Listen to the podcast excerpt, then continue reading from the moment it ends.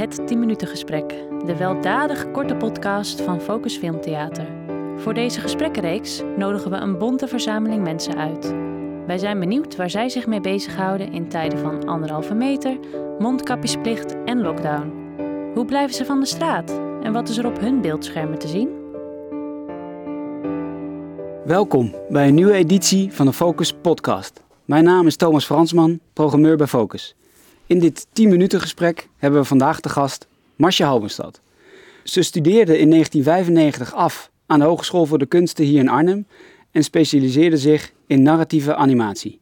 Haar stijl werd al snel die van het bijzondere stop-motion, waarbij een animatiefilm op de ambachtelijke manier beeld voor beeld wordt gemaakt. Hiermee won ze veel prijzen, vooral voor het prachtige Moenja in mij, wat resulteerde in een belletje van de legendarische Britse band The Prodigy om een clip voor hen te maken. Recent was ze verantwoordelijk voor de grote Hummy Mummy kerstspecial, waarmee, waarmee ze eind 2017 in Focus te gast was.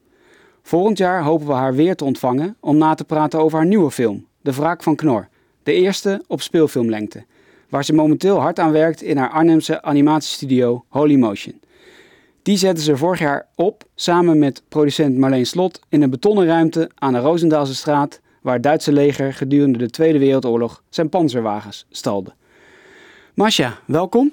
Hi. We beginnen elk gesprek met de simpele vragen. Hoe gaat het met je en waar hou je je momenteel mee bezig gedurende deze eeuwigdurende lockdown?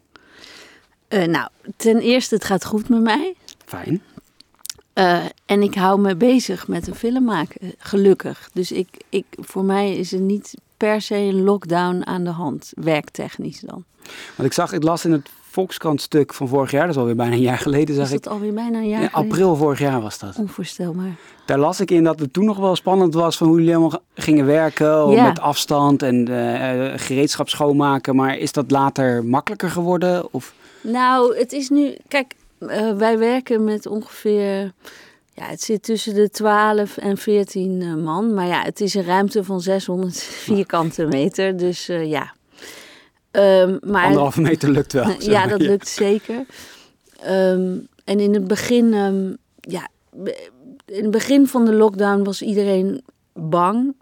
Ja, of bang, maar gewoon ja, toch onder de indruk van, van wat er was. En niemand wist eigenlijk wat nou het beste zou zijn. En dus in het begin vond ik het heel erg moeilijk. Maar we hebben toen een soort democratisch gesprek gehad. En daar kwam wel uit dat iedereen wilde blijven werken. En gelukkig maar, want je ziet het ook nu met de scholen. Als je eenmaal dicht gaat, is het heel moeilijk om weer open te gaan. Zeg maar. Dus wij hebben dat gelukkig niet gedaan. En, en in dat hele jaar is er geen besmetting ook geweest bij ons. Fijn. Ja. En ook gewoon wel op schema kunnen doorwerken? Mm, nee, dat dan weer niet. Want ja, kijk, als mensen ziek worden of uh, ja, dan moet je toch testen. En uh, dus nee, het loopt niet op schema. en zo natuurlijk. En ja, die ook kinderen zijn, en ja. iedereen kom, komt ook. In ons geval, uh, er komen mensen uit Breda, uit uh, Rotterdam, uit België, uh, uit nou, echt overal vandaan eigenlijk. Dus die moeten ook met het openbaar vervoer. Als dat misgaat, dan, ja, dan stokt alles. Dus we lopen een beetje achter. Maar eigenlijk gezien de omstandigheden gaat het echt ja, supergoed. En het wordt heel mooi, al zeg ik het zelf. Nou, dat is heel fijn. Ja. Kun je misschien voor de luisteraars ook een soort van standaard gemiddelde dag in, in de studio dan beschrijven? Van hoe, uh, hoe ziet het er ongeveer uit? Met hoeveel mensen ben je na tegelijkertijd aan het werk? Hoeveel minuten film neem je op? Uh, nou, we hebben nu, ik denk dat er gemiddeld zo'n vijf mensen, vier, vijf mensen, het, het, schaalt nu een beetje af, want de sets zijn bijna klaar. We, we werken zeg maar naast elkaar, dus je hebt een bouwteam en een animatieteam. En ik hang daar natuurlijk een beetje tussen. Maar de, ja, het animatieteam begint om negen uur s ochtends, het bouwteam meestal om tien uur. En die zitten in een aparte werkplaats. Um, en ja, op zich heb ik daar niet zoveel meer mee te maken, want ik ben eigenlijk de hele dag bezig uh, samen met Peter Mansveld. Dat is de, de DOP, zeg maar, de cameraman. En hij rigt uh, de poppen.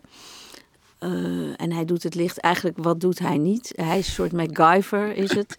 Ehm, Want React bedoel je Ja, dat is dat- aanpast aan de... ja, dus er komen een soort steunen aan de poppen. Dat ze als ze lopen bijvoorbeeld, ehm, ja, dat ze kunnen lopen, zeg maar. Of kunnen zweven als ze springen.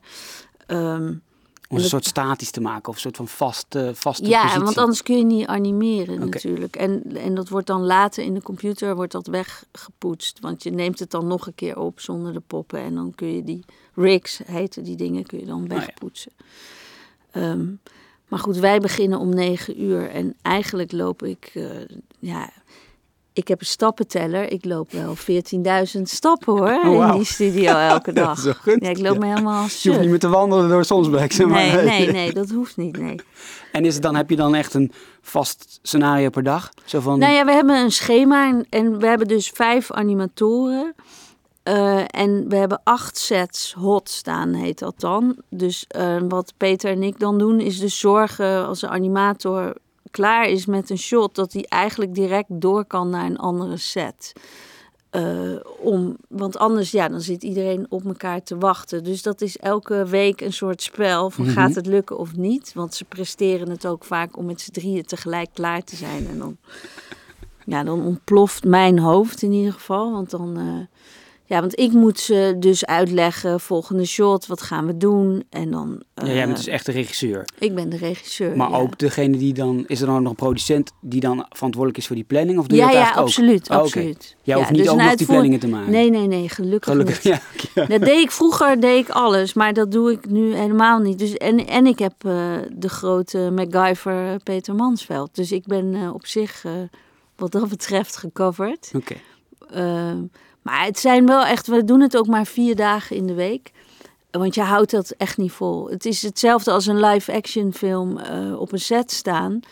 En dat, bij een live-action film doe je dat 30 dagen hooguit, of 40 misschien. En dat is dan al eh, vet zwaar. Mhm. Maar dit is natuurlijk anderhalf jaar. Ja. Dus dat, nee, dat hou je fysiek ook gewoon niet vol. Het is gewoon super zwaar werk. Ook ja, voor die animatoren, want die moeten gewoon acht, negen uur in volle concentratie eh, zitten. En eh, voor mij ook, want ik moet schakelen de hele dag. Word ik Masha, Masha. En dan dit. En dan roept die weer. En dan moet ik daar weer. En weet je, dus ik, en ik moet tussen scènes schakelen. En ik monteer het. Dus het is gewoon, ehm, ja. Maar goed, ik klaag niet, want het is het beste werk ter wereld. Ik, ik loop elke dag rond en ik denk, hoe is het toch mogelijk? En het gaat goed, zei je. Ja, het gaat goed. Ik bedoel, we zijn natuurlijk. Ik bedoel, het is de eerste eh, Nederlandse, volledig Nederlands geproduceerde eh, stop-motion film ooit gemaakt. Ja, fantastisch. Dus eh, we moeten wel een beetje het wiel uitvinden. Ik bedoel, we hebben net ontwikkelingssubsidie gekregen voor een nieuwe film. Oh. Dat is ook heel tof. Wanneer kunnen we de film verwachten? Wat is ongeveer de release datum? Nee, dat weet ik niet precies. Maar wij zijn denk ik zo eind november, begin december klaar met eh, animeren. Dus dan, dan is de film er in principe. En dan moet er nog eh, audiomix en ehm, ja, kleurcorrectie. Ik denk dat de film in... ehm, ja, ik, ik, ik hoop... Voorjaar volgend jaar? Na voorjaar is die wel klaar, sowieso. Maar wanneer die gereleased wordt, eh, geen idee. Nee, dat heeft Dat kan ze ook kerst zijn dat jaar, geen idee. Of in de zomervakantie. De film speelt zich af in de zomer. Dus het lijkt me, ja, ik weet niet of je hem dan in de winter Dat is wil altijd de vraag. Dat is Nee, ik vraag. weet het niet. Ik hoop maar dat de bioscopen nog bestaan tegen die tijd. Ja, dat is ook... Dat, eh, dat, is mijn grootste angst. Laten we hopen dat we inderdaad snel weer open kunnen. Om maar dit soort mooie films te kunnen draaien. Hij heet De Wraak van Knor. Ja. Kun je kort er iets over vertellen? Over waar, waar het verhaal over gaat? Nou, het is eh, gebaseerd op een boek. De Wraak van Knor heet het boek ook, van eh, Tosca Mente.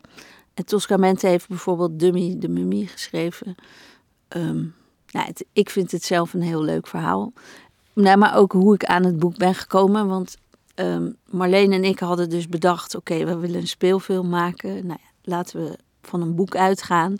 En allebei zijn we heel erg fan van Roald Dahl natuurlijk. En van de Griezels. Was tenminste een van mijn favoriete boeken. Maar goed, ja, wishful thinking. Je kan natuurlijk nooit eh, een Roald, rechten van een Roald Dahl boek krijgen. Dus ehm, toen ben ik hier naar de, de, de Arnhemse kinderboekenwinkel. eh, naar in de binnen. straat Ja, in de straat Ja, dus. ja. ja, naar binnen gelopen. Eh, nou, het is ook inmiddels zeven jaar of zes jaar geleden. Ik weet niet eens meer, maar lang geleden.